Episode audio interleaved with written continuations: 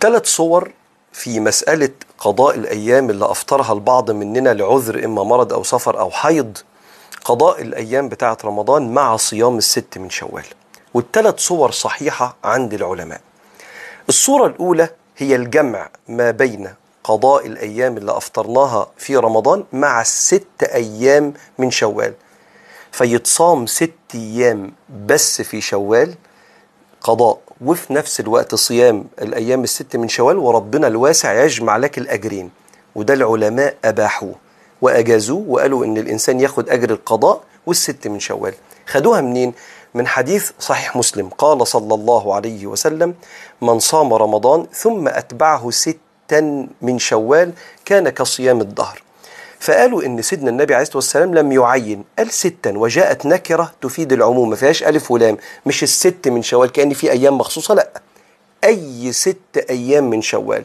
كانوا قضاء كانوا نافلة. فأجاز بعض العلماء أيوه تقضي ما عليك في شوال. فلو كانوا ست أيام يبقى تاخد الأجرين وربنا الواسع سبحانه وتعالى يديك أجر القضاء ويديك أجر القضاء ويديك أجر الستة من شوال كأنما صام الظهر كأنك صمت العمر كله وده ربنا فضله واسع. لكن قالوا تصوم بنية القضاء لأنها النية الأعلى نية الفريضة.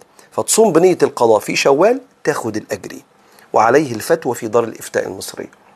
الصورة الثانية هي صيام الست من شوال الأول. حد يقول لأ أنا مش عايز أخد أعمل يعني إيه ال- ال- الصيامين في يوم واحد.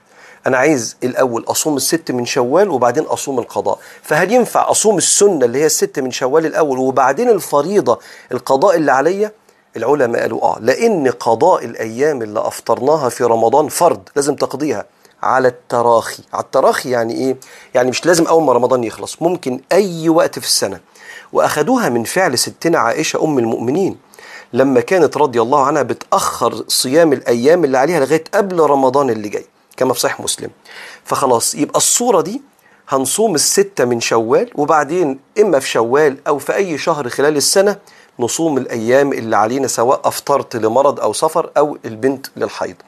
أما الصورة الثالثة وهي صورة الشخص اللي قال لأ أنا ممكن يبقى عندي همة شوية فهقضي اللي عليا الأول في شوال ثم بعد كده في شوال هصوم الستة.